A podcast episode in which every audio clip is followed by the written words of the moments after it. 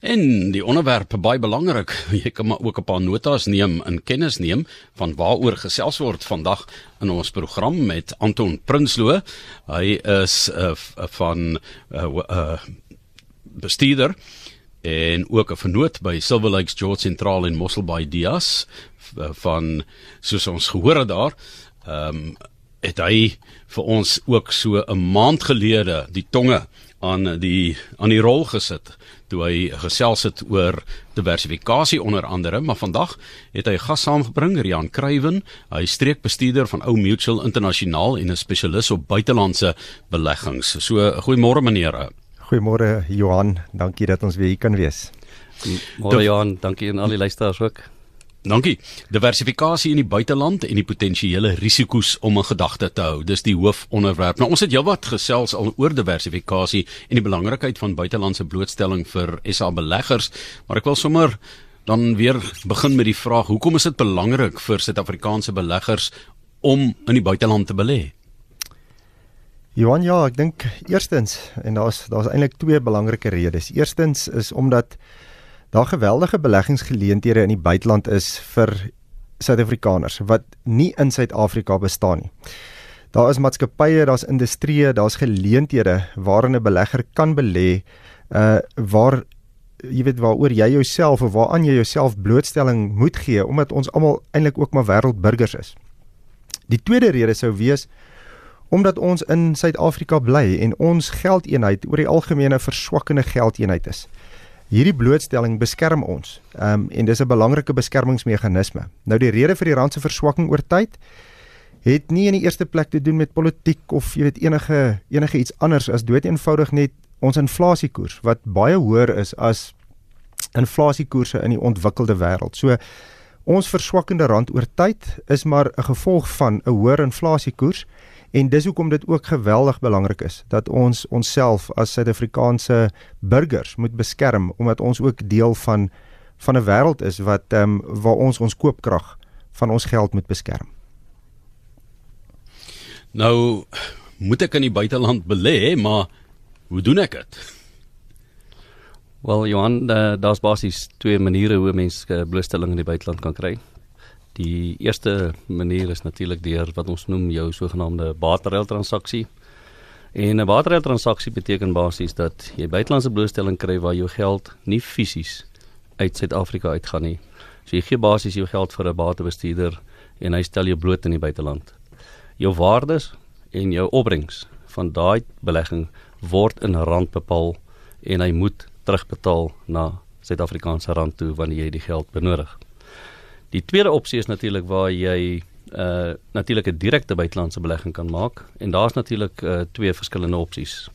Uh as elke individu in Suid-Afrika wat ouer as 18 jaar is en wat geregistreer is vir belasting, hierdie opsie om 1 miljoen rand se diskresionêre toelaag uit te skuif na die buiteland toe en in 'n harde gelde eenheid daar te belê, byvoorbeeld in dollar, euro of sogenaamde Britse pond.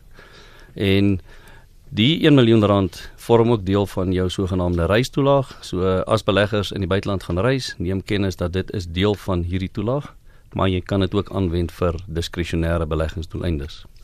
En jy het ook geen belastingklaring nodig vir hierdie 1 miljoen rand belegging wat jy kan uitneem nie. So in kort, tussen gades, man en vrou kan basies 2 miljoen rand uitskuif per kalenderjaar en dit strek van Januarie tot Desember. Die ander opsie is natuurlik as jy meer as jou 1 miljoen rand diskresionêre belegging wil uitskuif, het jy die opsie om aansoek te doen vir belastingklaring by die ontvanger van inkomste en hy laat 'n individu per kalenderjaar toe om 10 miljoen rand in die buiteland te belê. En daardie geld hoef nie na Suid-Afrika toe terug uit te betaal te word wanneer dit nodig het nie, so dit kan in daardie harde geldeenheid in die buiteland belê en dit kan daar bly om te bepaal, jy weet hoe 'n belegger sy buitelandse blootstelling moet opneem, um, Johan, met ander woorde direk of deur 'n bateruil, is 'n geweldige belangrike deel van die beplanningsproses vir elke belegger. Elke belegger moet sy eie behoeftes verstaan. Hy moet ook die implikasies van die verskillende opsies verstaan en dan kan hy besluit moet hy die geld direk uitneem of in 'n bateruil doen. As dit byvoorbeeld erfgeld sou wees wat wat die belegger weet na alle waarskynlikheid hy nooit gaan gebruik nie, maar dalk vir sy kinders of sy kleinkinders in die buiteland wil hê want hy dink hulle kan dit dalk daar gebruik, dan moet 'n mens die fondse direk uitneem. Maar as dit geld is wat wat 'n belegger, jy weet, weet volgens sy beplanning gaan hy iewers in die toekoms in rande weer nodig hê, dan kan 'n mens gebruik maak van die bateruil. Anton Prinsloo is van PSG Wealth Silver Lakes, George Central in Mosselbaai Dias. Sy gas is Rian Kruiven, streeksbestuurder van Ou Mutual Internasionaal en 'n spesialis op buitelandse beleggings. Direkte buitelandse blootstelling het seker baie meer implikasies om aan ag te neem as bateruil Anton. Jy is heeltemal reg Johan. Ehm um, maar kom ons begin vir 'n oomblik net by die begin. Ehm um, ons Suid-Afrikaanse belastingbestel is wat ons noem 'n resident based belastingbestel. Met ander woorde, daar waar jy bly hier in Suid-Afrika word jy belas. Dit beteken dit maak nie saak waar jy bates het nie en waar die bates is wat jy besit nie, die belastingimplikasie vir jou is hier in Suid-Afrika. Of dit nou inkomstebelasting is, rente, dividende wat jy sou verdien, kapitaalwinsbelasting wanneer jy 'n bate verkoop of dalk um, boedelbelasting as jy te sterwe kom. Belangrik is, daar's altyd 'n implikasie vir jou boedel en vir jouself hier in Suid-Afrika. En wanneer jy nou as 'n Suid-Afrikaanse burger dan nou direkte buitelandse beleggings gaan doen, is daar ook 'n hele aantal sake wat jy in ag moet neem want elke land waar jy geld sou belê, het sy eie wetgewing wat eienaarskap van bates as ook belasting reguleer, net soos ons eie land. Maar as ek prakties moet raak en 'n voorbeeld moet neem. Jy weet as jy 'n bate in Suid-Afrika het, jy's 'n Suid-Afrikaanse burger en jy kom te sterwe, ons boedelbelastingkoers is 20%.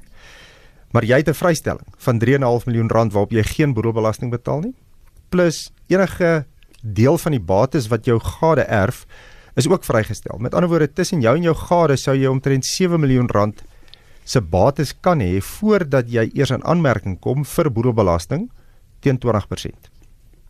As jy egter as 'n Suid-Afrikaanse burger 'n belegging in die FSA besit of in die Verenigde Koninkryk, het hulle ook hulle eie forme van boedelbelasting wat hulle hef wanneer 'n belegger by hulle wat nie 'n burger is in hulle land nie te sterwe kom.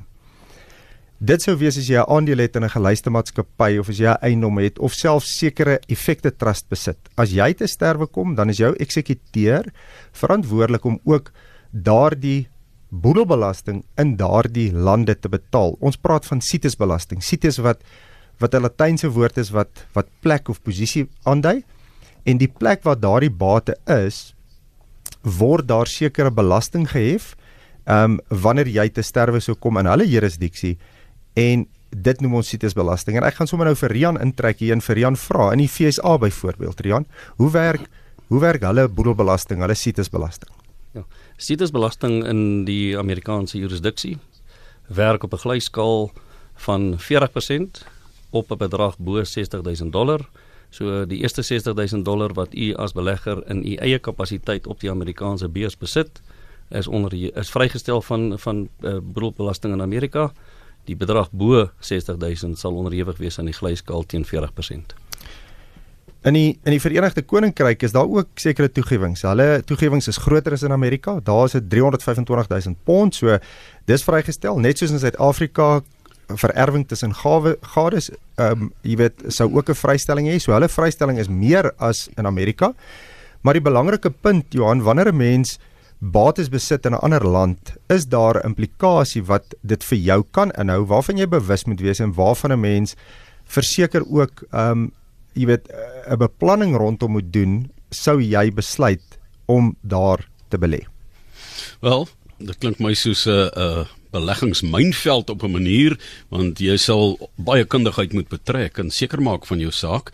Uh, ek weet dat 'n mens seker nooit belasting kan vermy nie, maar sal enigsins 'n manier om die belasting te verminder.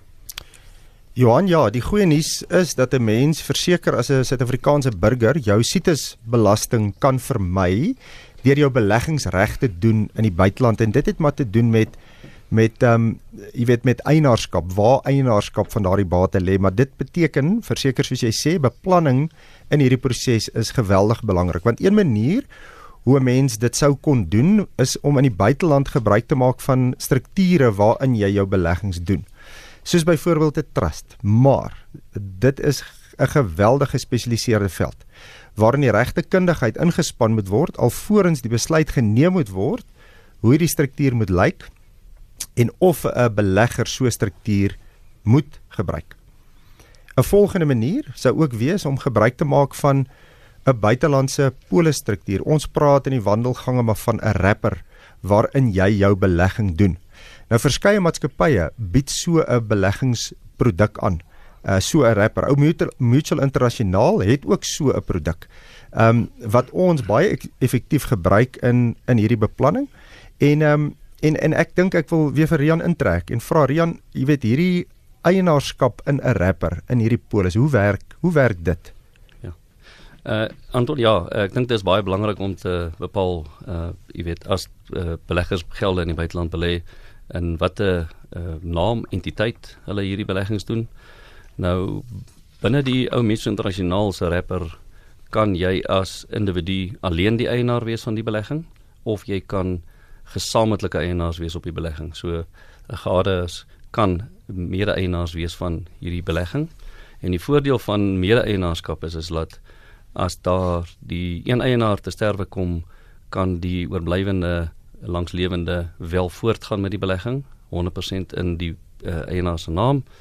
En as dit 'n uh, individu is wat alleen eienaar van so 'n belegging is, sal ons ten sterkste aanbeveel dat die persoon 'n uh, begunstigde benoem vir eienaarskap binne die struktuur. En die struktuur maak voorsiening dat jy begunstigdes kan benoem vir eienaarskap primêr maar ook sekondêr. En as ek daar 'n voorbeeld kan gebruik, ek dink dit is baie belangrik as u alleen as eienaar op die kontrak is, u gade is byvoorbeeld primêr die begunstigde en sekondêr kan u u kinders benoem as die mede uh, begunstigdes op die kontrak. Die voordeel daarvan is is dat by afsterwe van die eienaar en byvoorbeeld primêre begunstigde gades byvoorbeeld in 'n motorongeluk te sterwe kom, kan die kinders die sekondêre begunstigdes wees wat die kontinuïteit van hierdie belegging vorentoe neem sonder enige administratiewe implikasies. Nou, dis baie belangrik om ook net klem te lê op wat sou die situasie wees as daar minderjarige kinders is wat ter sprake is by die benoeming van begunstigdes. Nou, as daar minderjarige kinders is, uit die aard van die saak, hulle is nie handelsbevoeg nie, so hulle kan nie op die kontrakte handel dryf nie.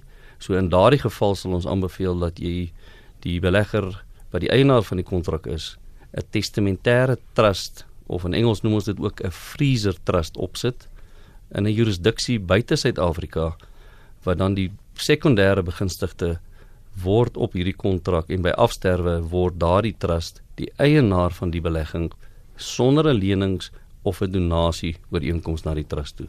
En ek dink dit is 'n baie belangrike voordeel wat beleggers in die beplanning van boedelbelasting vorentoe moet oorweeg vir minderjarige kinders. Ek dink 'n belangrike punt hier is net wanneer 'n mens van hierdie beleggingspolis struktuur gebruik maak, dan gaan die bate nie noodwendig uit jou boedel uit nie. Jy doen net die belegging in hierdie struktuur. Wat beteken situsbelasting is geen kwessie vorentoe nie. Met ander woorde, daar's nie 'n kwessie dat jy dalk op 'n deel van jou bates, dit wat in die buiteland is, dalk 'n 40% boedelbelasting, jy weet, ehm um, betaling kan hê nie. So, hoewel jy nie die die die bate uit jou boedel uitskuif nie, hanteer jy die bate volgens dit wat ook toegewings binne Suid-Afrikaanse, jy weet, um, wet is. En um, en dit skep nie vir jou potensiële dubbele belasting waar jy in die buiteland en plaaslik um, onderhewig is aan aan boedelbelasting. Nie Rian, maar daar is ook bietjie inkomstebelasting voordele. Ehm um, jy weet as 'n individu 'n 30% koers het, ehm um, of 'n 45% koers, ekskuus, hy jy weet hy hy hy hy word vol belas. Uh binne hierdie uh polisstruktuur is daai koers minder, is ek reg? Dit is korrek uh, Anton, uh omdat die struktuur onder die langtermynversekeringswetgewing van Suid-Afrika val, uh belas ons individue binne die struktuur teen 'n inkomstebelastingkoers van 30%. Die ander voordeel natuurlik is is dat jy jou kapitaalwinsbelasting wat 'n potensiële 18% is as jy op 'n skaal van 45% marginale belastingkoers sit, laat dit afkom na 'n kapitaalwinsbelastingkoers van 12%. En baie belangrik is omdat dit 'n buitelandse polisstruktuur is wat ons in die buiteland opsit, is hierdie 12% nie belasbaar in rand nie, maar wel in die harde geldeenheid van dit waarin die belegger onderliggend belê in die buiteland. Rian, dankie. En ek um, ek dink 'n belangrike deel hier ook, ons het nou gepraat oor 'n individu wat ehm um, jy weet wat hierdie voertuig gebruik, maar net so kan 'n trust of 'n maatskappy ook die voertuig gebruik. Ehm um, belastingkoerse vir vir truste maatskappye is ook hoog en binne hierdie beleggingsvoertuig is daar ook verseker 'n uh, 'n besparing. Iemand wat byvoorbeeld is 'n uh, 'n belegging in die buiteland het, Rian, wat reeds geld in 'n uh, 'n uh, uh, aandele het in die buiteland, reeds geld dalk in ehm um, eiendom gekoop het. Ehm um, is dit moontlik om so 'n voertuig dan te gebruik ook steeds vir dit? Absoluut. Ek meen die die die buitelandse trust uh, kan wel die eienaar van hierdie belegging ook wees.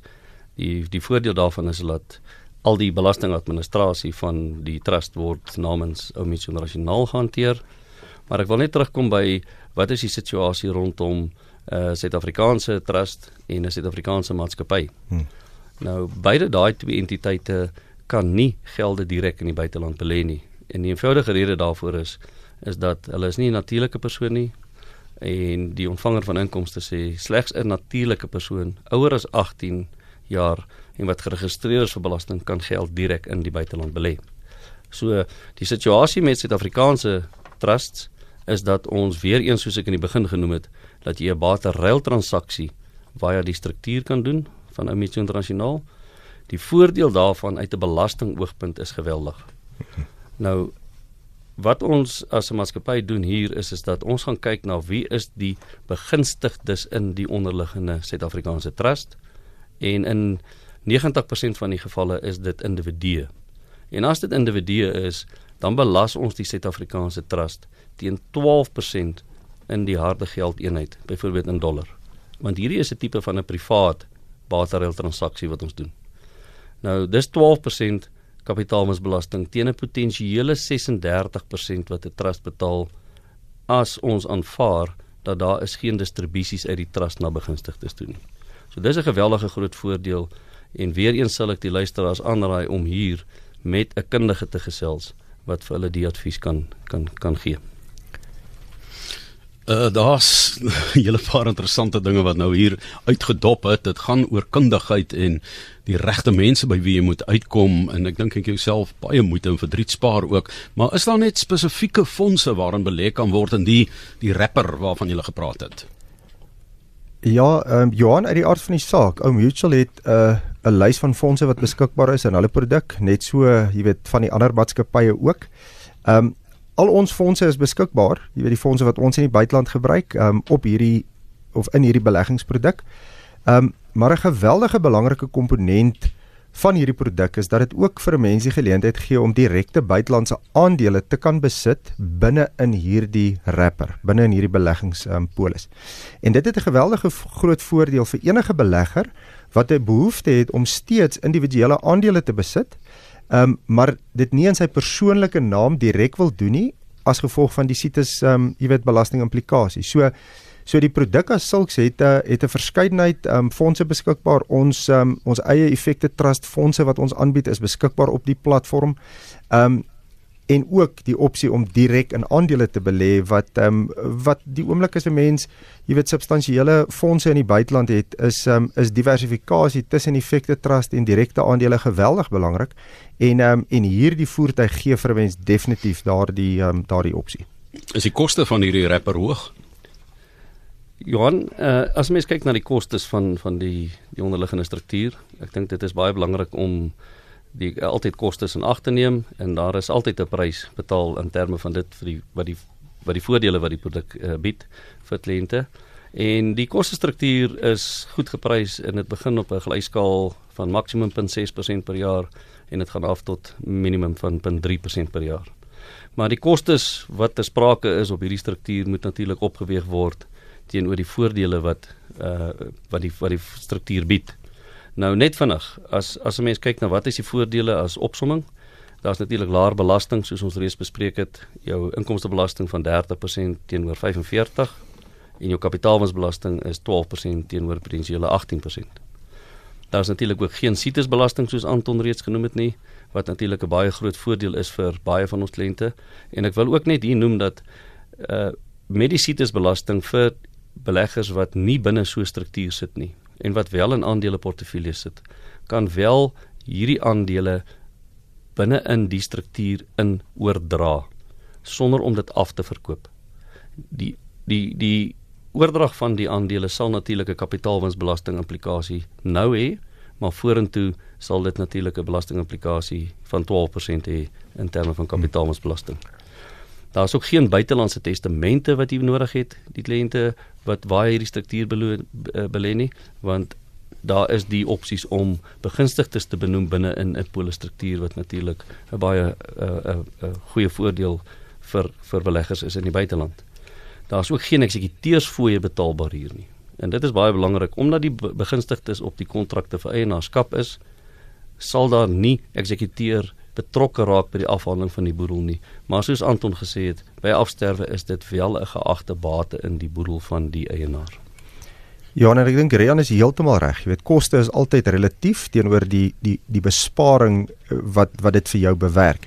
En ek dink um net uit 'n uit 'n beplanningshoek uit weer eens wanneer um, wanneer ons 'n beplanning doen vir 'n kliënt wat reeds geld in die buiteland het, reeds aandele besit en 'n mens 'n mens probeer, jy weet, kyk in sy spesifieke situasie of dit die moeite werd is, dan doen mens so berekening. Jy jy kan bereken wat die kapitaalwinsbelasting is, jy kan bereken wat die jy weet wat die koste binne die struktuur is en dan ook sou die kliënte sterwe kom en daar is boedelbelasting betaalbaar kan jy daardie berekening ook afspeel teenoor jy weet die toekoms. Met ander woorde, vir hoe lank moet die kliënt belê wees in hierdie produk om eintlik dit vir hom die moeite werd te maak?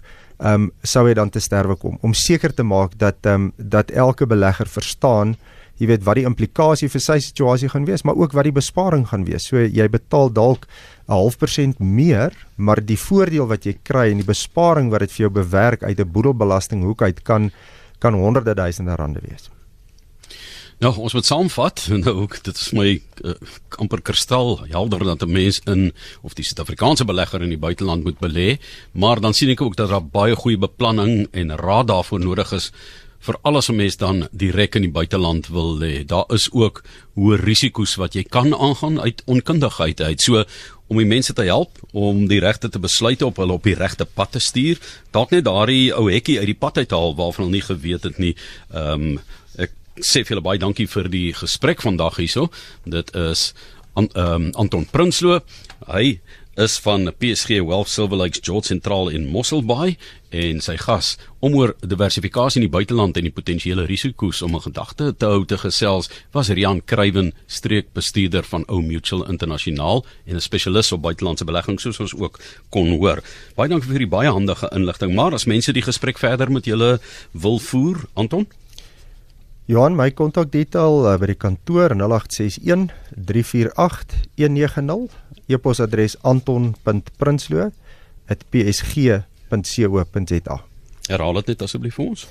E-posadres anton.prinsloo@psg.co.za en die kantoornommer 0861 348 190. Uh, my selfoon ook 082 415 0318 as enige iemand met ons wou gesels. Gee weer daai selfoon 082 415 0318.